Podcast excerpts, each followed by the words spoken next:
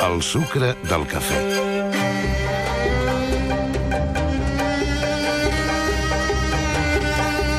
Avui tot el Parlament Europeu s'ha posat dret per aplaudir Denis Mukwege, que ha rebut el Premi Sakharov a la llibertat de consciència. Mukwege és un ginecòleg congolès que treballa a favor de les dones violades. En el seu convuls país, la República Democràtica del Congo, es calcula que en els últims 20 anys mig milió de dones han estat violades.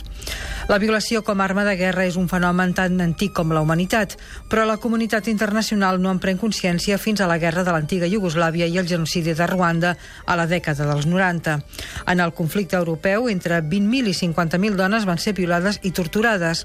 En el conflicte africà, les xifres s'enfilen i es calcula que entre 250.000 i 500.000 dones van ser víctimes d'agressions d'aquesta mena.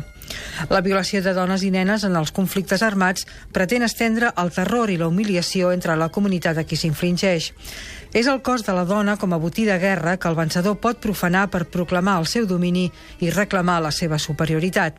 L'exèrcit invasor irromp en la confortabilitat i la seguretat de la llar i viola la dona, la tortura, l'introdueix a la vagina ganivets, traps bruts, pedres i tot davant dels seus fills, del marit, forçats espectadors de l'horror i de vegades obligats també a participar-hi.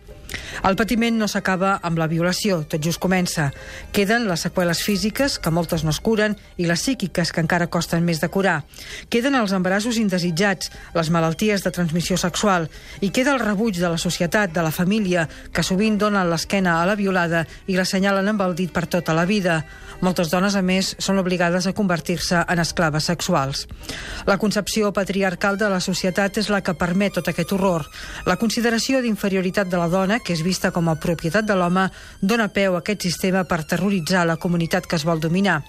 Des del rapte de les Sabines a l'antiga Roma a les esclaves sexuals que van fer els japonesos a la Segona Guerra Mundial, de la Guerra de Bòsnia al genocidi de Ruanda, els exèrcits i les guerrilles s'han imposat a través de les violacions a dones i nenes, moltes vegades amb els organismes internacionals mirant cap a una altra banda.